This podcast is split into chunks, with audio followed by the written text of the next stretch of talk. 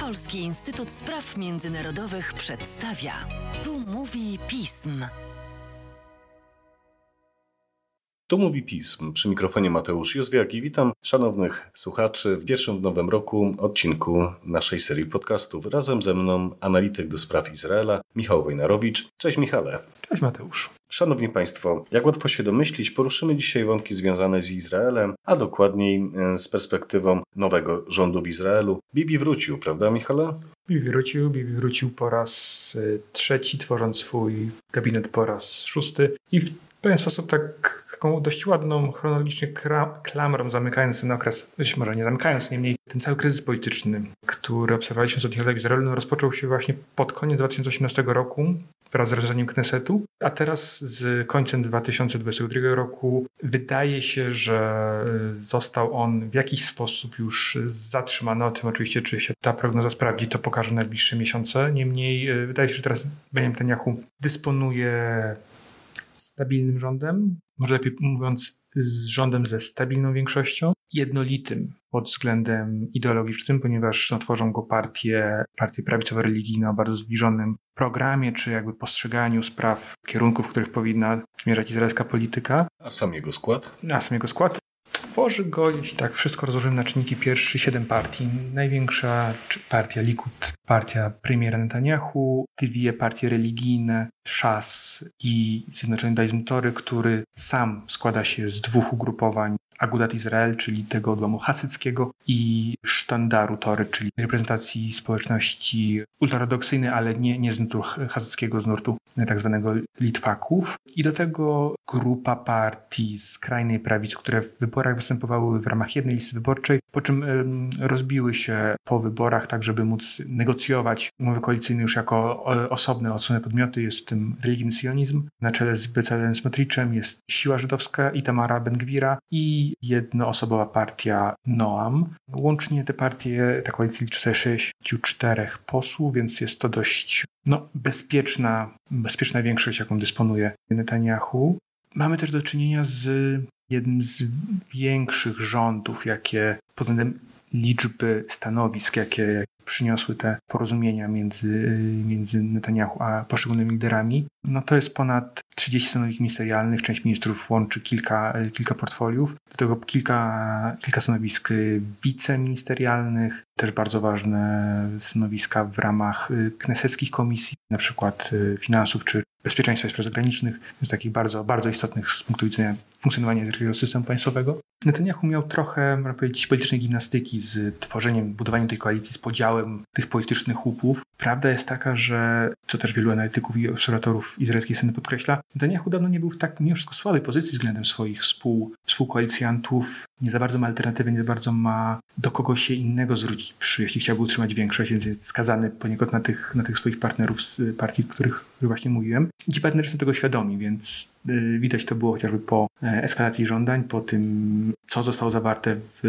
rozlicznych umowach koalicyjnych, po tym, jakie stanowiska otrzymali poszczególni liderzy, no dość powiedzieć, że tak naprawdę na koniec dzielone były stanowiska dla polityków samej partii rządzącej, dla samej partii z największą ilością miejsc, co też no, budziło pewien, pewien niezadowolenie wśród tych liderów, liderów z, z Likudu. Nie wszyscy są zadowoleni, nie wszyscy są usatysfakcjonowani takim, a nie innym podziałem, no ale Netanyahu musiał tu połączyć wiele sprzecznych interesów, musiał chociażby no, odpowiednimi stanowiskami e, nagrodzić e, tych posłów, którzy jeszcze w poprzedniej kadencji odeszli z poprzedniego rządu. Musiał zdobyć odpowiednie frakcje stronnictwa wśród różnych, e, różnych, różnych partii. No złośliwie powiedzą, że w rządzie Netanyahu szóstym, już stworzonym przez niego, 37 w historii Izraela, no cóż, jest więcej osób z problemami z prawem, tudzież z mniej lub bardziej zaawansowanymi procesami sądowymi niż na przykład kobiet, ale akurat te rzeczy są trochę, trochę jakby na dalszym planie,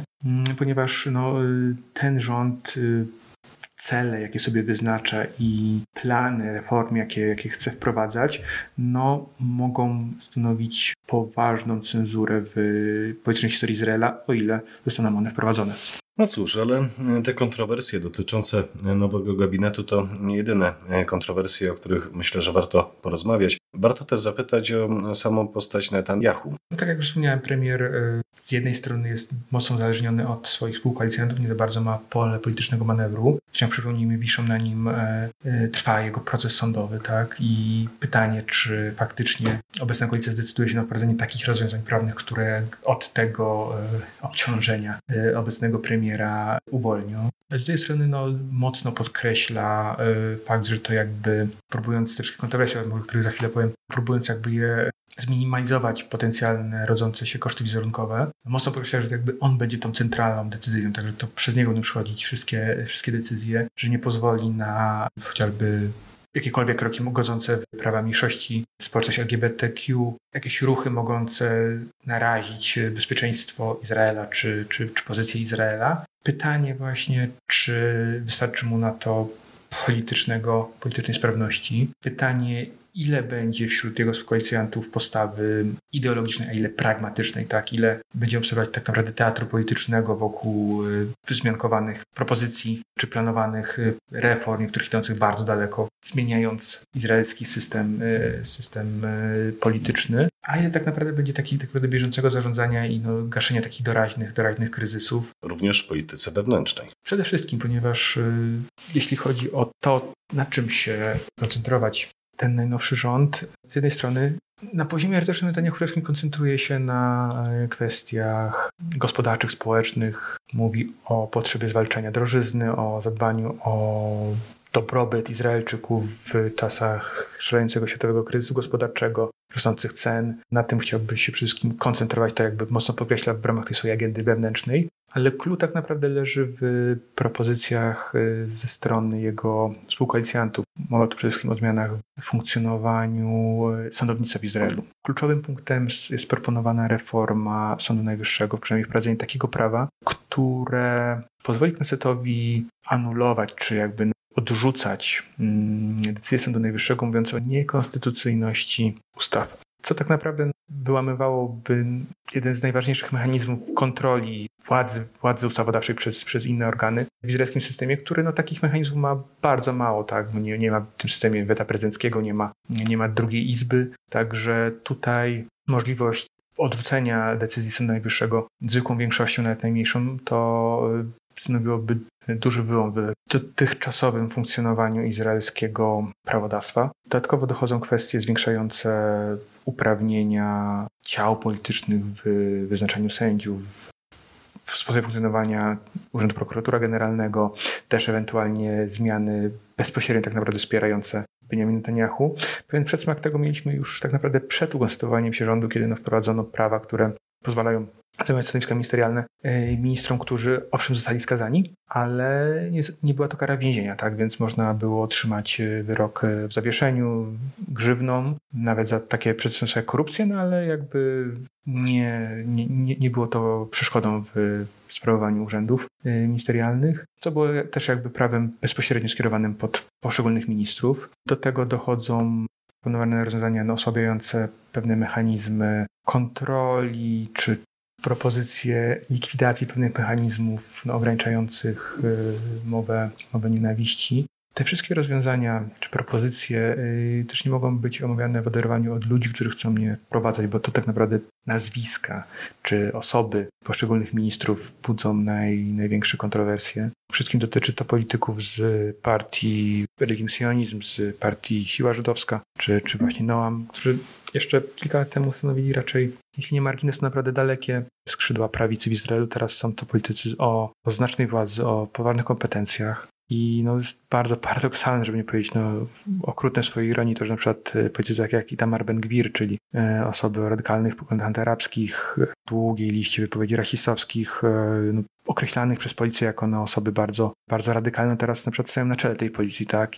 Udało mi się wynegocjować znaczne poszerzenie kompetencji zarówno jako ministra i też plan na, na zmiany w samych, w samych strukturach, w samych resortach siłowych. Do tego chociażby politycy na przykład jak e, Bezalel Smotrich, czyli obecny minister finansów, czy na przykład decyzja w sprawie ministra Smotricza, szefa religijnego sionizmu, również polityka reprezentującego no, skrajne siły izraelskiej prawicy, który został ministrem odpowiedzialnym za izraelską administrację na zachodnim brzegu, tak, czyli za przyszłość osiedli żydowskich.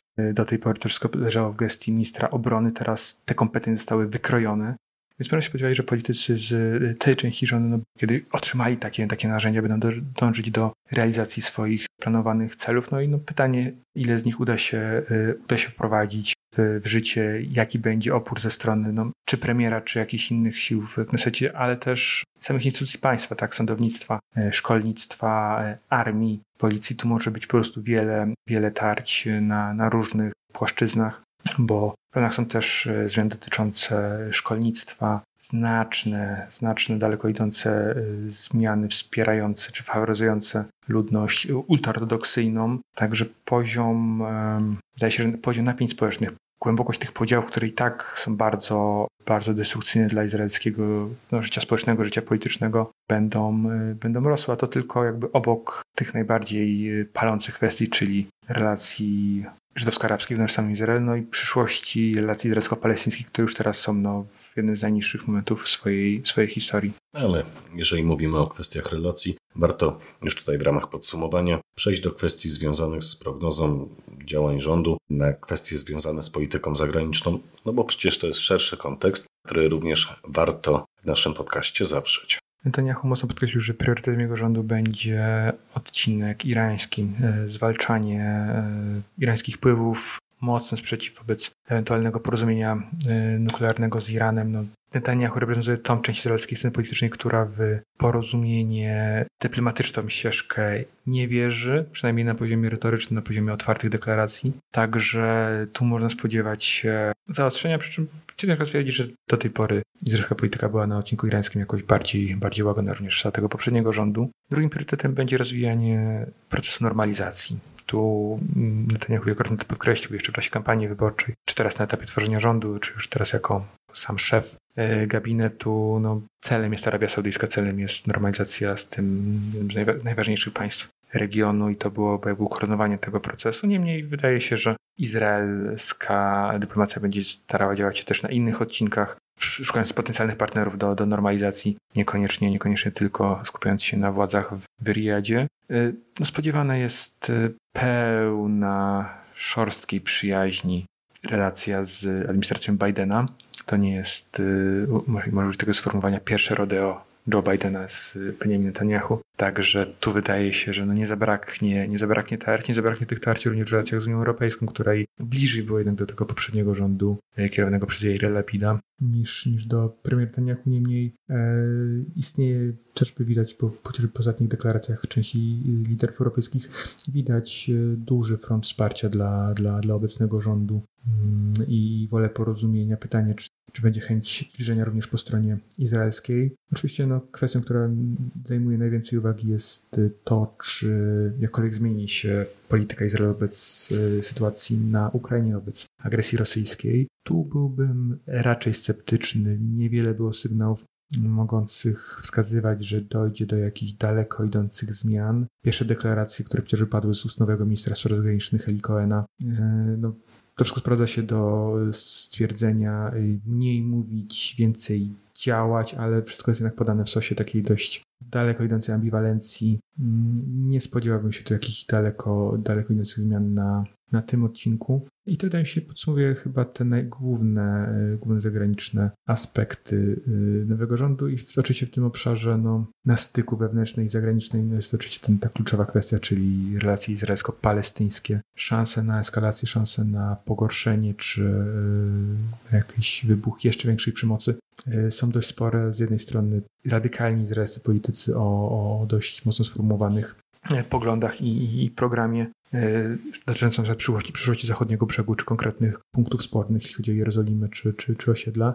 E, z drugiej strony no, i podzielone władze palestyńskie i atmosfera o, troszeczkę, może być często używane określenie beczki prochu, ale no, sytuacja bezpieczeństwa odchodząca do 2022 roku była bardzo na zachodnim brzegu. Początek roku też jest, nie zapowiada jakiejkolwiek deeskalacji. Wiele, wiele y, zależy od y, partnerów międzynarodowych, wiele zależy od pragmatyzmu premiera Netanyahu, tak, bo przy całym to podkreślanym spadku znaczenia sprawy palestyńskiej dla państw arabskich, no to ciągle pozostaje y, kwestia żywotnie interesująca, żywotnie interesująca społeczeństwa na Bliskim Wschodzie, co chociażby obserwowaliśmy przy ostatnim mundialu w Katarze.